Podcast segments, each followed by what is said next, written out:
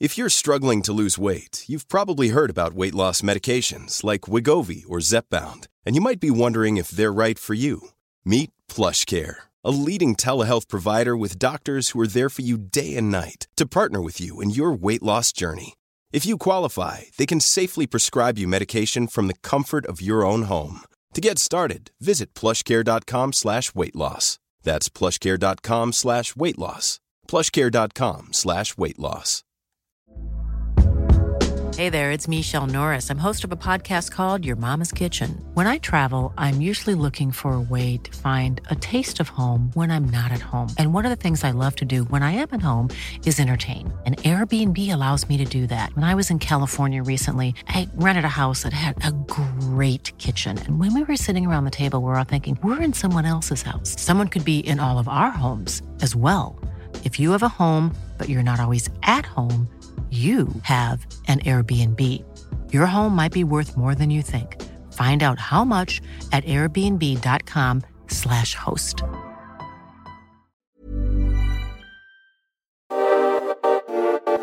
Ni lyssnar på Bagge och Brobacke podcast. I 30 minuter varje vecka kommer vi ge vår syn på marknaden med fokus på pris, makro och sentiment. Välkomna! Då var det dags för avsnitt 18 av Bagge och Brobacke podcast. Idag är det onsdag den 25 augusti när vi spelar in. Tjenare David, läget? Halloj! Jo, det är bra tack. Fått in eh, 35 timmars jobb på två och en halv dag här. Så att, eh, och det avslutades med att jag fick en antirynkkräm av frun igår. Så att det eh, kanske börjar sätta sina spår. Men det är bra att få en riktigt bra kickstart på, på höstterminen. Ja, men det låter bra. Work mm. hard, play hard, som man säger. Mm. Eh, kanske blir något sånt av det också. Du, eh, det har ju varit lite lite volla, men eh, marknaden verkar ändå fokusera otroligt mycket på eh, fredagens eh, liksom, eh, viktiga händelse, Jackson Hole. Mm. Eh, men vi kommer prata lite om det, men jag tänkte vi kan väl först summera lite vad, vad det är som har hänt här sen, sen förra veckan. Ja, vi tar en liten recap. Eh, vi har haft en hel del volla på börserna eh, efter förra poddavsnittet. Totalt sett så följer faktiskt OMX eh, nästan 3,5 procent från onsdagen fram till botten som skedde redan på torsdagen, dagen efter. Då. Eh, fallet eh, utlöstes i, ja egentligen såg det ju stretchat ut rent tekniskt också då, men det var ju framförallt att man tog fasta på en oväntat hawkish tonläge då i senaste FOMC-protokollet som kom ut eh, onsdag kväll då, som skapade en del säljtryck i marknaden. Eh, det man ska komma ihåg är att det mötet är från i juli eh, och det är ju innan den amerikanska datan började vika ner ordentligt. Eh, vi har ju sett ganska brun statistik från, från bland annat USA nu senaste veckorna. Då. Eh, så börsen kom tillbaka eh, och vi gjorde nytt all time high på S&P och Nasdaq så sent som igår. Eh, Jackson Hole som sagt på fredag. Agendan till mötet kommer släppas torsdag kväll eh, och sen kliver Powell på i talarstolen på fredag vid svensk eh, middagstid ungefär. Eh, precis när alla har dragit igång sina diverse grillar, om det nu inte regnar bort hela helgen. Eh, men vi återkommer till Jackson Hole. Eh, det som jag tyckte var intressant eh, förra veckan, det var ju att eh, investerare var väldigt snabba på att köpa skydd. Eh, put call ratio spikade ganska bra där, eh, torsdag, fredag. Eh, och som så många gånger förr så skedde det liksom inte innan en nedgång utan precis på botten. Um, så att uh, efter det så gick uh, vollen ner igen då och uh, köparna kom tillbaka. Um, vi har också sett i, ja, igår exempelvis så vaknade ju flera meme-stonks ehm, till liv efter sådär över 50% tapp sen i juni. Vi hade ju både GameStop och AMC var upp med kraftiga volymer på runt 30 procent vardera under tisdagen. Då. Håsen tillbaka. Exakt. Eh, annars makromässigt var ju fredens stora händelse egentligen var ju att dollarn faktiskt gav upp en hel del styrka. Eh, och sen dess då har vi dollarn försvagats eh, lite över 2% mot australiensiska, eh, närmare 2 mot svenska och 0,75 mot euron på, på tre dagar. Då. Um, jag var ute och uh, bäsade dollarn lite i, um, i fredags på, på Twitter och uh, än så länge ser vi som träffar en topp där. Men oavsett så tror jag att vi är inne i ett toppbygge på dollarn och sen kan det alltid skaka lite fram och tillbaka här nu kommande veckor. Då. Vi har ju ganska, inte minst kring Jackson Hole beroende på vad, vad de säger där. Då. Ehm, men det ledde ju till eh, kraftiga uppgångar då i råvaror inte minst i kopparn senaste dagarna. Ehm, även oljan eh, och i, eh, i merger markets då. Och vi har även sett bra medvind i en hel del cykliskt här hemma sista två dagarna. Ehm, och så råvarurealitet. Så den här första impulsen i den här inflationstraden. Eh, kan den, vara det ja. Då är ju frågan om det var botten i, i det här vi pratar om eller om vi har någon typ av volatilitet eh, kvar så att säga. Mm. Um, jag skulle tro att vi... Um, för nu har vi både i Kina i uh, exempelvis kopparn. Um, nu har vi ganska bra V-formationer sista dagarna rakt upp. Vi hade inga... Det var ordentligt översålt i, i många tillgångsklasser, uh, men vi har inga hade inga som helst egentligen positiva divergenser i dagschart och så vidare där nere.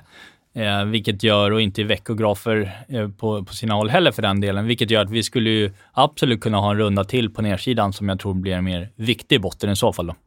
Eh, vi ökade en del Kina-exponering i eh, slutet av förra veckan, men ja, köper inte mer här efter studsen utan avvaktar tiden lite. Då. Det är väl mycket av det som du har ökat i som har eh, blivit riktigt bra här, misstänker jag, med den här studsen.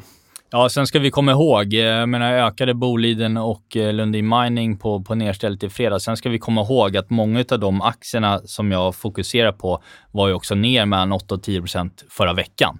Så att eh, vi är inte, liksom, vi inte tillbaka eh, i, i de aktierna där vi var för en vecka sedan. Eh, men jag tyckte det känns bra läge att, att eh, öka på lite i alla fall. Och det är lite längre vy också. Det här är ingen trade jag gör för liksom två, tre veckor heller. Just det. Utan addera på, på lite nedställ och ligger ganska still sedan dess. Det stora som jag har gjort framför allt, jag köpte ju eh, ganska mycket koppar förra veckan och har varit ganska hårt positionerad, eh, 50% av boken mot liksom, nedåtgående räntor. Eh, eller förlåt, uppåtgående räntor, alltså nedåtgående bonds och short. Både amerikanska och tyska tioåringen och även lång pund då, mot dollarn.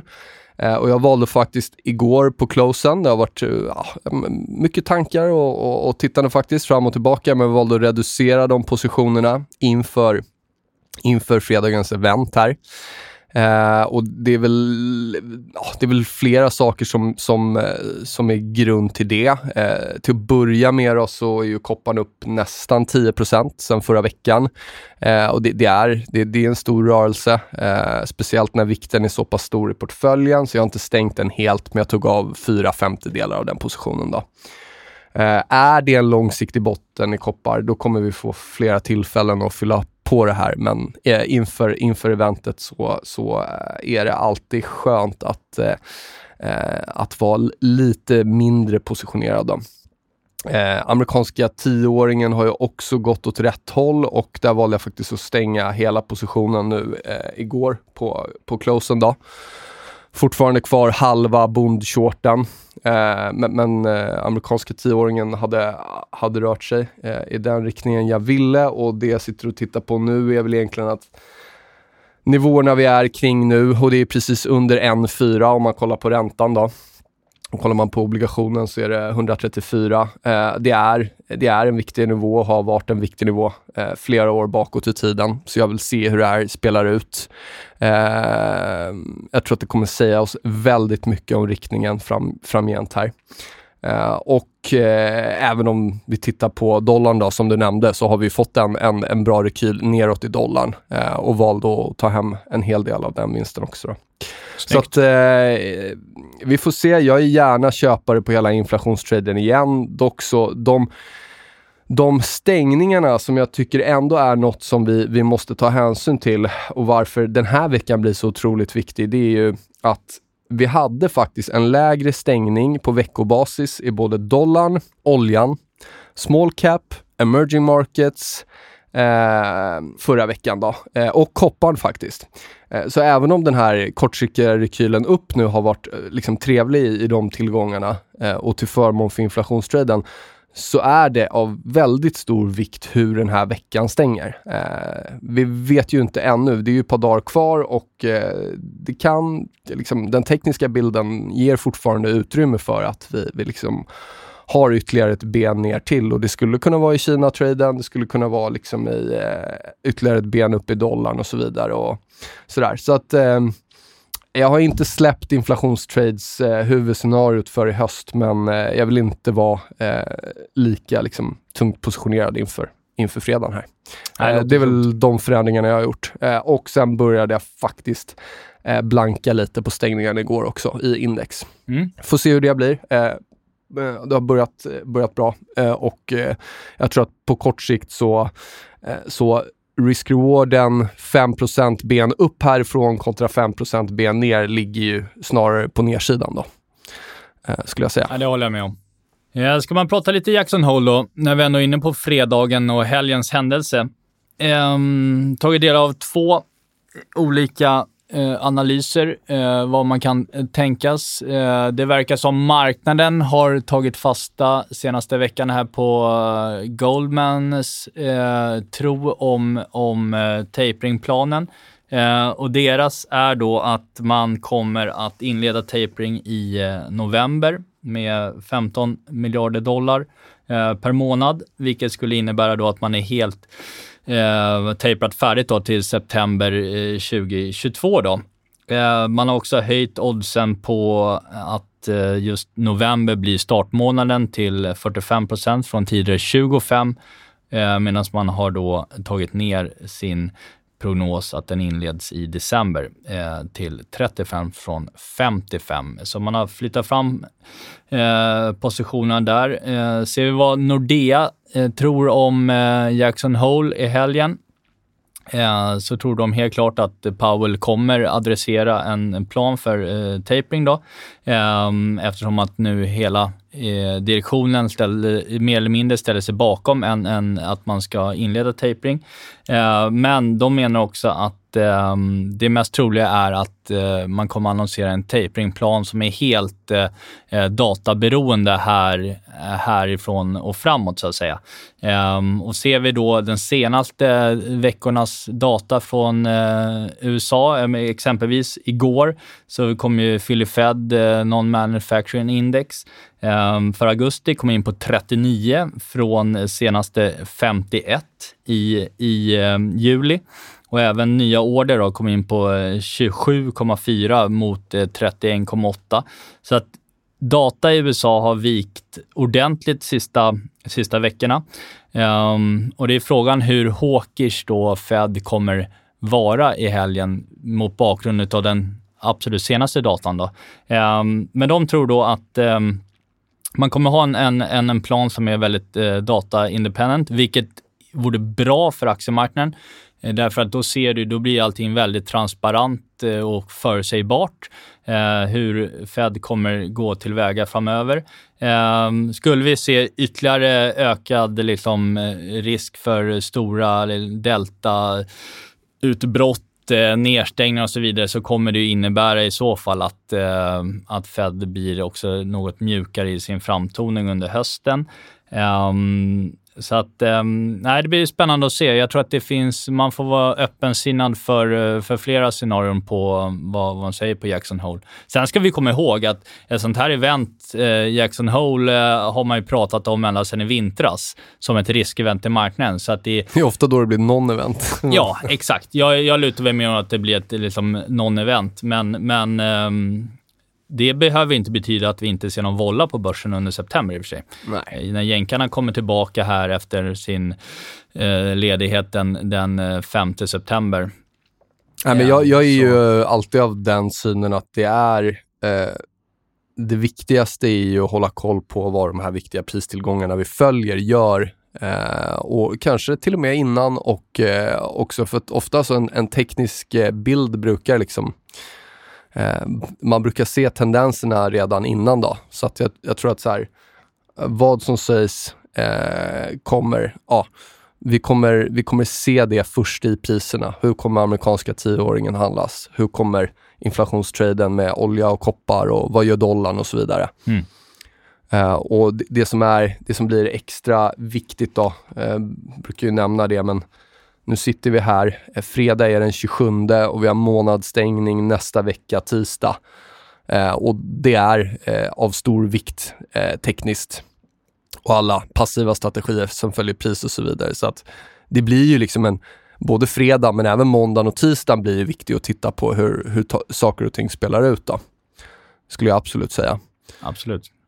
Och det är också, eh, om vi drar oss till minnes, det är också de här tidpunkterna i marknaden då det kan röra sig väldigt, väldigt snabbt just på grund av likviditeten. Som du säger, eh, USA har ju faktiskt semester nu i augusti och det är ju först i september som som det blir mer handel. Jag tror du såg väl igår att det var ganska låga volymer va? Bort till USA i handeln. Ja, SPY-ETFen, alltså S&P 500 ETFen i USA igår, var ju brutalt låga volymer. Mm, det gled, mm. gled uppåt under väldigt låga volymer. Det var inte mm. någon som gjorde någonting. Och det kan att göra med hur, hur liksom den tekniska bilden ser ut, men det kan också absolut ha att göra med bara som sån enkel sak att det är inte lika många på deskarna som sitter och handlar. Och får du då en, en hård rörelse åt något håll, eh, då kan det gå ganska mycket längre än vad det brukar göra, för du har inte de normalt samma tagare, varken på upp eller på nedsidan. Då. Ja, det kan gå ganska fort. Det såg vi förra veckan. Ja. Du hade en sen två och en halva ja. på en och en halv dag. Ja. Och, det, och det går att blicka tillbaka andra år och se under de här tidsperioderna att det kan gå vä väldigt, väldigt fort. Mm. Um, så det blir spännande. Absolut. Absolut. Um, ni kanske minns förra veckan när vi pratade, vi lyfte fram den här Bank of America Merrill Lynch Fund Manager Servin Och um, det var vår tes lite där, om man vill vara contrarian så ska man uh, börja kika på kinesiska aktier för att uh, short China stocks hade ju sett upp som en av de most crowded trades under augusti. Um, jag var ute och bullade både China Tech och uh, Alibaba under torsdagen och fredagen på Twitter. Um, och sen kom ju en otrolig vändning i, uh, i måndags. Då. Vi har uh, China Tech Index upp 10% sen fredagens lägsta. Um, det var ju väldigt Alib snyggt där, träffat. Ja, det blir bra. Mm. Alibaba upp 6 eller, eller då nära 11 sen low i fredags. Då. Så att, Eh, riktigt bra vändning, bra trade. Eh, jag eh, rider kvar i Kina och i Alibaba för den delen. Eh, kortsiktigt har det ju som sagt gått otroligt snabbt. Eh, men jag är ju snarare köpare på, på nerställ igen än att jag tar hem en kortsiktig vinst eftersom jag har lite längre vy på, eh, på, på ehm, tillgångsklassen. Då. Ja, men jag tycker den, den vände ju faktiskt exakt där det skulle vända. Eh, det vill säga om vi kollar på CQQQ som är den där kinesiska tech-ETFen så vände den eh, ganska exakt på 2000, eh, 2017-toppen och det som var botten här i, eh, i 2020. Då. Eh, men det är ju ett par dagar kvar här. Eh, återstår att se hur det stänger den här veckan. Eh, du kan titta på, om du kollar på Hongkong också, så har du fått en väldigt bra start på den här veckan upp. Men förra veckan var ändå en, eh, en, en, en, ny low. Liksom. Eh, så att eh, det blir intressant att se här eh, om vi ska ha, eh, det finns fortfarande ett scenario där vi ska ha en dubbelbotten alternativt ett lägre ben ner. Eh, v det tror jag oavsett kommer vara, vara köpvärt, allt annat lika. V eller W? Ja, så kan man säga. Ja. Um, nej, och um, jag är ju fortfarande liksom bullish i emerging markets, Kina, Japan för, för hösten och in i nästa vår. Eh, så att även JP Morgan var ute i måndags och bullade i emerging markets eh, med, med motiveringen att eh, eh, eh uh, aktier inom emerging markets är ner eh, 9 då, eh, under kvartalet och eh, har signifikant underperformat eh, utvecklade marknader. Då. Eh, även framförallt year to date om man ser. Då. Eh, och de rekommenderar eh, sina kunder att köpa på ytterligare svaghet i murder markets. Eh, och tittar man på värdering mellan eh, EM och DM så att säga. Om man, DM är då alltså då utvecklade marknaden som vi i väst här då. Så är det ju enorma värderingsskillnader kollar man på exempelvis eh, EV Sales-multiplar så är vi nere eh, på en multipel runt 0,75 ungefär. eh, Eh, i relation då. Från att vi liksom typ 2009 var uppe på 1,2. Så att den här eh, värderingsskillnaden vi är nere på nu, den har vi, det är egentligen aldrig skådat. Den här grafen jag tittar på nu är tillbaka sedan 2001 och då var vi på 0,85. Så nu är vi eh, markant lägre än det. Så att det finns ju en... Ska marknaden börja eh, fokusera på värdering och så vidare igen här nu kommande halvåret så, så bör det tala för eh, en upprevidering av eh, emerging markets. Nej men alltså ska inflationstraden funka, då är ju emerging markets här en no-brainer. Mm. Eh, speciellt i och med att vi studsar här nu över, eller kommer tillbaka vid eh, 50 dollar i EEM ETFen som var den där tidigare toppen från 2018. Eh, och det är ju textbook polarity, eh, det vill säga tidigare motstånd omvandlats till stöd. Så givet att det är scenariot så absolut, då ska vi vara jättebullish emerging markets. Men återigen, det blir precis som i Kina att det var ändå en lägre close förra veckan, det vill säga vi stängde på 49.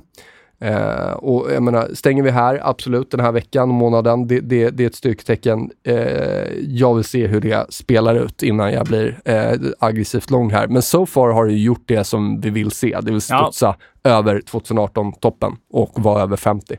Så eh, absolut, eh, det, det kan bli riktigt spännande. Ryan Reynolds här från Mint Mobile. Med priset på nästan allt som går upp under inflationen, trodde vi att vi skulle bring våra priser down. So to help us, we brought in a reverse auctioneer, which is apparently a thing.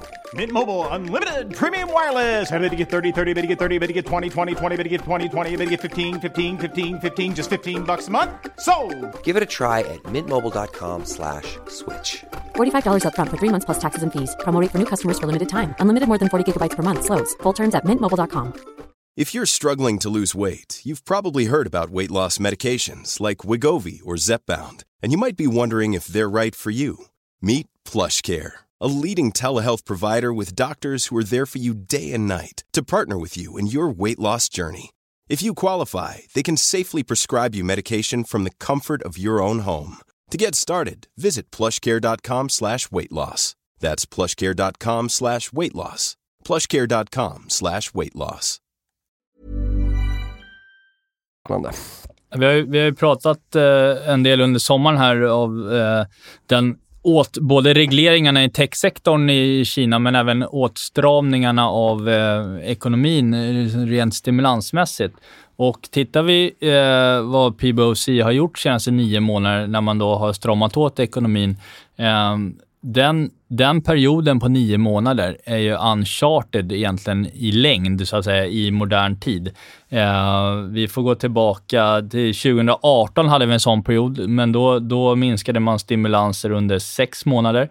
Eh, och nuvarande är alltså nio månader, så att det är det är inget det, är, det har ju varit en perfekt motvind för kinesiska börserna med både, både minskade stimulanser, vi pratade ju redan i våras om att eh, kreditimpulsen rullade över i Kina i februari. Um, vi har haft då de här, eh, eller har och har haft ordentliga eh, regleringar av kinesisk techsektor plus, som man inte ska glömma bort, en eh, skapligt starkare dollar över sommaren. Visst. Um, så det har varit en perfect storm, får man och, säga. Och räntor har ändå hållit ihop. Och ja. flöden in i guld. Så det, och, och yen också sett rätt starkt ut. Tittar vi på aktiesektorer så är det väl typ utility som har gått bäst. Så det, har ju, det har ju varit flöden in i det som historiskt ska vara liksom risk-off-tillgångar. Absolut.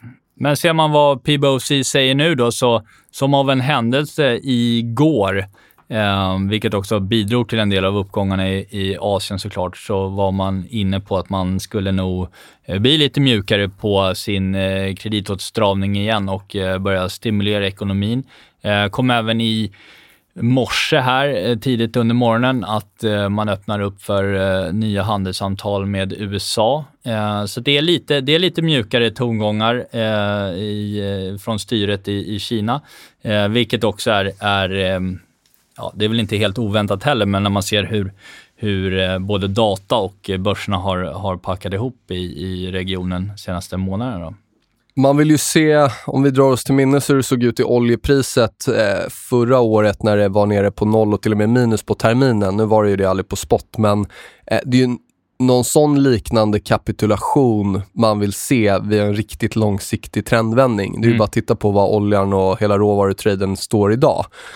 Frågan är ju bara, har vi sett den i Kina? Har vi sett det benet ner, den kapitulationen? Um, är det så, då är det ju no-brainer med Kina emerging markets. Men har vi den, det, liksom, den sista urblåsan ner kvar, ja då, då kommer det vara skönt att köpa efter det, efter det istället. Ja, det, är väl det, det är väl det jag brottas med just exakt. nu. Vad är risk-rewarden för att vi, vi missar en långsiktig uppgång i emerging markets och Kina om vi inte köper nu kontra att eh, hur jobbigt blir det att ta det sista urblåsa benet emot sig. Jag tror att när vi har haft sådana här nedgångar och, i, i Kina exempelvis, men det ju, kan du ju egentligen se inom det kan man applicera på alla möjliga tillgångsklasser, mm. det är ju att eh, när vi får den typen av skarpare kryner och när vi får första studsen, eh, de som var köpsugna och missade den studsen, de brukar ju eh, tendera att komma in som köpare på nästa, och vilket då skulle kunna göra att vi får då en form av W. Då. Eh, men då är jag snarare beredd att öka Expo än att släppa den här. Då.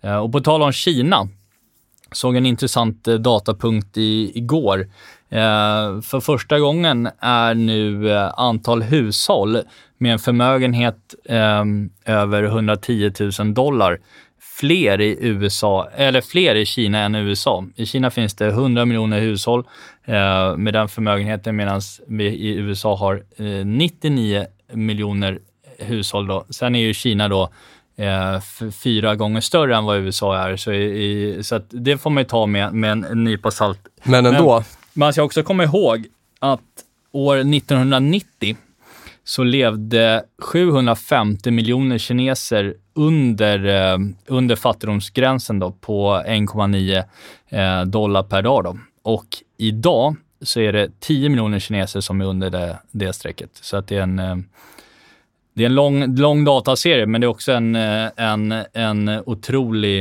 eh, eh, uppgång i ekonomin fantastiskt. Det har ju hjälpt många människor att de i alla fall började ta sig an vissa delar av kapitalismen. Det kan man ju absolut säga. Ja.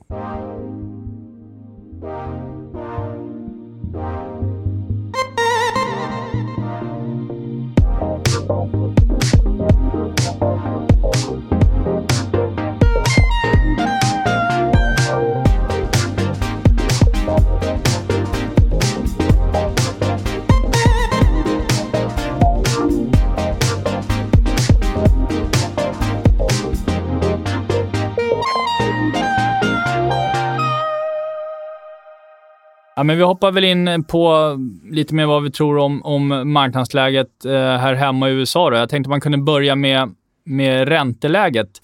Eh, en notering jag såg från i morse och som vi också har väntat på under sommaren här, det är ju att CTAs, alltså trendföljande strategier, ska stänga sina eh, short långa bonds och gå lång, vilket är ändå att man städar ur positioneringen. Eh, eftersom att i vintras och i våras trodde ju alla att långräntan skulle upp över 2% Vi var snarare inne på att vi skulle ha en sättning i långräntan under, under sommaren, att vi skulle se 1,30, 1,15 och det är det vi har sett. Vi var nere på 1,13 som lägst. Um, och nu, är, nu har CTAs svängt och är uh, mer eller mindre all in på köpsidan, så de är, är eh, 100% lång istället. Då. Sen har vi också sett eh, i den senaste auktionen då, av, av eh, långa räntor, tioåringar i USA som var i, i, i veckan här, eh, så var det första gången sedan 2011 eh, som utlänningar visade väldigt stort intresse för, för den bondaktionen. Eh, utländsk demand för den här aktionen då steg till 37,6 procent och det är högsta sedan 2011. Så utlänningarna eh, söker sig till, till, har under augusti sökt sig till amerikanska långa bonds. Då. Eh, vilket då är, de, man gynnas av en rörelse att räntan går ner med andra ord. Så vi får väl se jag tror ju likt tidigare att räntan ska upp, igen, så att eh, det kan vara många som hamnade helt snett igen. Ja, nej, men det, det, det är liksom intressant med osäkerheten från att eh, positioneringarna går i rekord eh, short och så eh, amerikanska tioåringen då, så bettet på uppåtgående räntor och så tillbaka nu säger du att nu är, nu är CT-komplexet långa tioåringen, så nu bettar de på nedåträntor. Eh, och, och vi, har, vi har väl båda stått liksom ganska på andra sidan av de tradesen, vilket har blivit liksom väldigt bra. Eh, bara återupprepar varför jag stängde min eh, kortning av amerikanska tioåringen igår på close så är vi vid den här otroligt viktiga 1,4 procent. Om vi zoomar ut så ser vi att eh, det, det, långsiktiga som kan ske från de här nivåerna, jag, jag tror ändå man ska vara fullt medveten om att eh, vi kan få liksom uppåtgående räntor väldigt, väldigt länge om vi etablerar oss över den nivån. Jag menar ju fortfarande på att pengar fortsätter ändå att komma in i tioåringen och eh, jag vill väldigt, väldigt gärna se hur det spelar ut den här veckan och nästa vecka.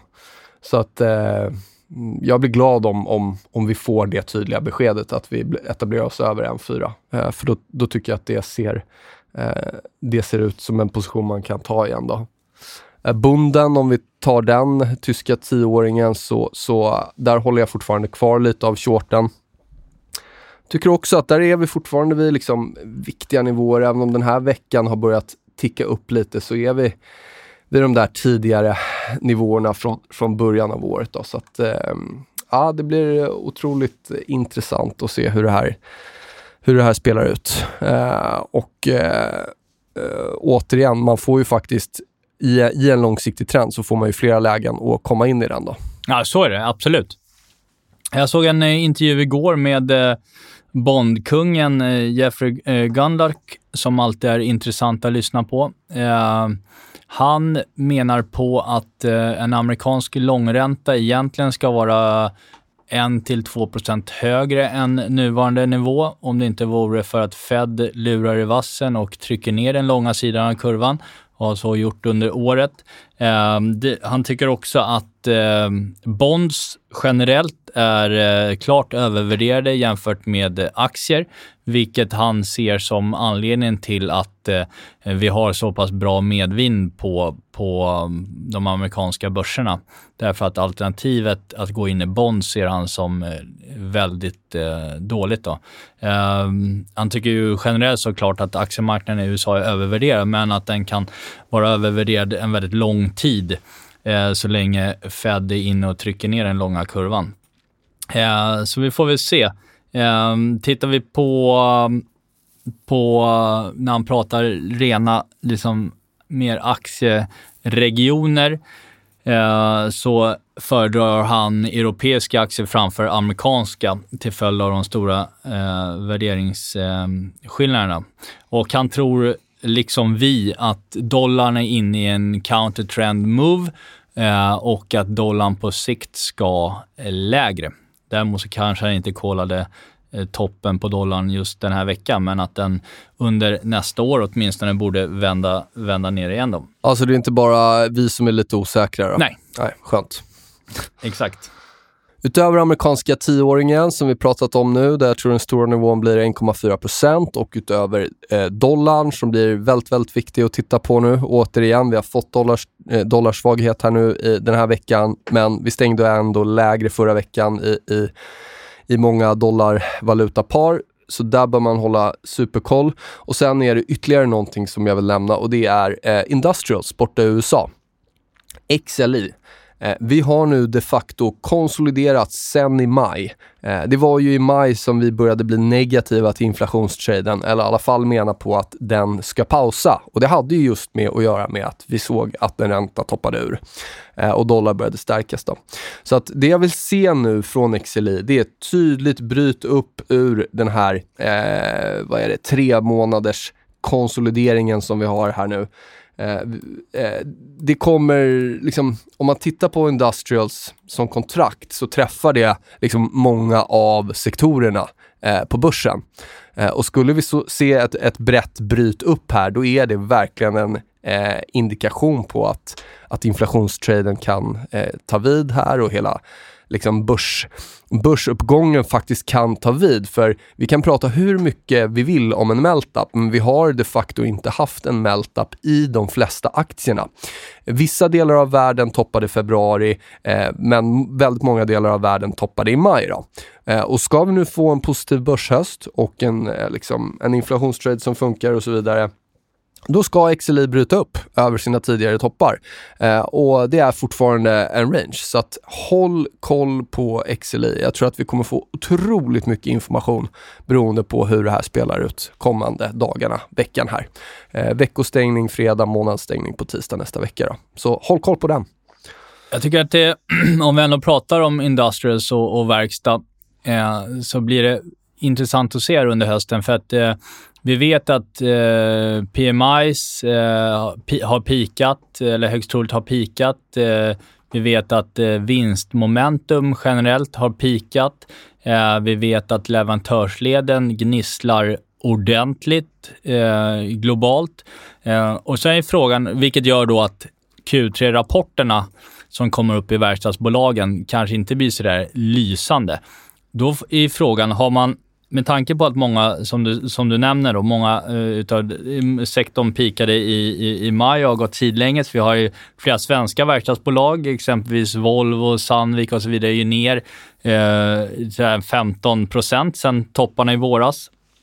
Volvo är ner uh, ännu mer faktiskt. Uh, så då är ju frågan om börsen är så pass framåtblickande att man Eh, ser igenom det här eller att, om man kommer sälja på ytterligare på, på eventuellt svaga Q3-rapporter. Ehm, jag tror att det kan finnas en, en ehm, skulle vi stå kvar på de här nivåerna när Q3-rapporterna kommer, då tror jag nog att det är hyfsat bra eh, risk-reward att köpa på, på eventuella nedställ på, de, eh, på eventuellt svaga rapporter. Då. För jag tror ändå att man kan få igång eh, topline och så in i nästa år. Då. Det blir en liten reopening av reopening-traden med tanke på hur deltat ändå har pressat och leverantörsled för den delen också. Då. Och det är väl så det ska se ut om, om det följer någon typ av normal gång, att, att eh, saker och ting handlas ner, liksom det prisas in tills dess att faktan är känd och då, det brukar ofta ja. vara vändningen.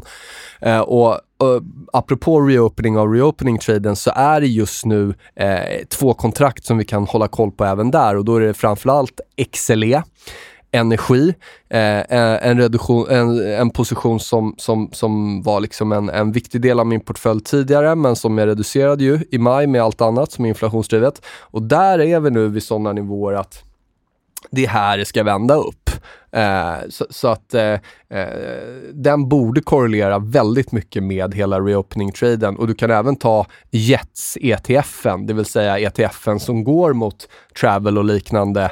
Eh, även den eh, är nere vid, vid, vid, så att säga eh, de nivåerna, det vill säga tidigare topparna som nu ska, bör börja agera stöd. Eh, men det är än, än så länge för lite köpstyrka för att vi ska kunna säga att det är botten, men det är nere vid de viktiga nivåerna. Så jag tycker det stämmer ganska bra eh, överens med, eh, liksom om vi tittar på de aktierna du nämnde nu och så vidare. Och i, i den totala bilden då. Ja, man, eh, aktiemässigt kan man ju även nämna H&M då eh, som jag har köpt en hel del av här eh, senaste tiden. Eh, jag har en bra studs i den i, i förra veckan. Eh, men och tittar man idag då så kommer Deutsche ut med, med, med en ny säljrek i aktien. Eh, 150 kronor i taget. Aktien öppnar 2 ner eh, och efter tre timmars handel så är aktien flat. Så att eh, jag tycker väl att eh, det tyder väl på att liksom sentimentet i H&M och positioneringen i H&M är, är eh, ganska mörk och att eh, det kommer in köpare på, på nedställ helt enkelt. Eh, och att liksom rapporten som kommer sista september ska bli ganska svag är nog hyfsat eh, liksom väl diskonterat. Ehm, för att man har ju haft en hel del stängda butiker och försäljningen har väl inte gått lysande. Men däremot så tror jag att det, det kommer vara en Kommer rapporten in svagt och aktien kommer ner på det så är det helt klart ett köpläge ska jag tro inför nästa år, om inte annat. För att nämna någonting om, om börsindexen så har vi ju i eh, Sverige och Europa studsat eh, ungefär 61 procent av den nedgången vi såg i förra veckan. Eh, brukar ju vara ett område eh, där det tar eh, lite stopp rent, eh, rent styrkemässigt och det har vi också sett De senaste två dagarna har ju börsen planat ut på den nivån vi är nu. Um, USA har ju däremot trummat på desto mer. Där är vi uppe i en övre delen av den trendkanalen som eh, S&P har handlats på sen i eh, maj. Eh, och eh, jag tycker väl att det i den här rörelsen vi har haft sedan botten förra veckan, frågan är om det finns liksom fortsatt styrka rakt upp härifrån. Då måste i så fall Fed och Powell var väldigt mjuka i sin framtoning på, på fredag. Jag tror snarare att man... Jag har tagit in eh, i min privata trading, eh, kortsiktiga trading, har jag tagit in en, en short S&P här eh, i, igår. För jag tycker ändå att det känns som efter den här resan vi haft på uppsidan och att det finns risk på, på nedsidan igen. Då. Eh, och det är ju inte alls omöjligt att, att hela Eh, Eh, att det, är först i, som vi brukar ha rent eh, säsongsmässigt, så är det ju i först under oktober eller framförallt i slutet av oktober, början av november som faktiskt varmluften återvänder eh, på mer bred basis. Då. Så det är inte alls omöjligt att vi kommer ha två månader med ganska liksom volatil slag i börs. Så. Det är inte omöjligt. Nej, nej men jag, jag håller med där. Eh, risk-rewarden för ett ben upp 5-10, alltså kan det hända? Absolut, allting kan hända. Men som jag nämnde innan där, att den ligger nog snarare för den rekylen ner. Så att jag började också blanka igår och får se, det kan vara så att det är något som ska liksom om vi får ett, ett sånt litet sell-off moment att det ska säljas här redan i, i, nästa vecka som du säger. Det behöver inte vara någon liksom snarare en, en sidledes och jobbig marknad som det här året har definierats av när vi tittar på till exempel small cap. Men, men eh, Ja, jag har också plockat in blankningar och det var ganska brett. Det var både OMX, Tyskland, Japan, USA. Ja, du har, lite mer hår, du har lite mer hår på bröstet där. Ja, eh, får se. Får se. Jag tycker risk-rewarden just nu och, och vad kort det är in i det här eh, är, är för bra för att inte ta det bettet. Samtidigt så är jag, är jag fullt villig att, att eh, ställa om och, eh, och sälja och till och med börja köpa om vi får de positiva bevisen, om vi får ytterligare svaghet i dollarn, om vi får en ränta över 1,4 procent, om vi får en XLI som bryter upp över fyra månaders konsolidering. Eh, tills, det, tills det händer så, så Eh, är fortfarande risken på nedsidan för mig. Då. Ja, det som gör att jag inte vågar gå kort i, i, i förvaltningen, så att säga, som är lite mer långsiktig, det är ju att sentimentet i marknaden är ju hyfsat, trots att vi har liksom all time highs och så, här, så är ju sentimentet i marknaden neutralt till ganska bäsat. Du hade ju exempelvis i torsdags, eh, torsdag kommer ju AI Sentiment Survey ut varje vecka. Då hade du 31 0,5 procent som var eh, andel Bears då, som tror att eh, börsen ska ner på sex månaders sikt. Den måste ha kommit upp lite, för den var ju väldigt Ja, den var nere på 19 ja. i, i, juni. Mm. Eh, så att eh, det... även positioneringen i marknaden är inte liksom vrål eh, all in. Det, det, det, det där, många gillar att använda den här eh, CNNs eh, Fear and Greed Index, mm. eller de postar den och den visade ju Extreme Fear här i dippen ja. förra veckan. Jag tycker den är faktiskt, om man ska prata om den så måste man också titta på vad den innehåller. Absolut. Och den är de facto inte en sentimentsindikator enligt mig, utan det är snarare, eh, större delen av den indikatorn är baserad på bredd och momentum. Absolut. Inte på sentiment.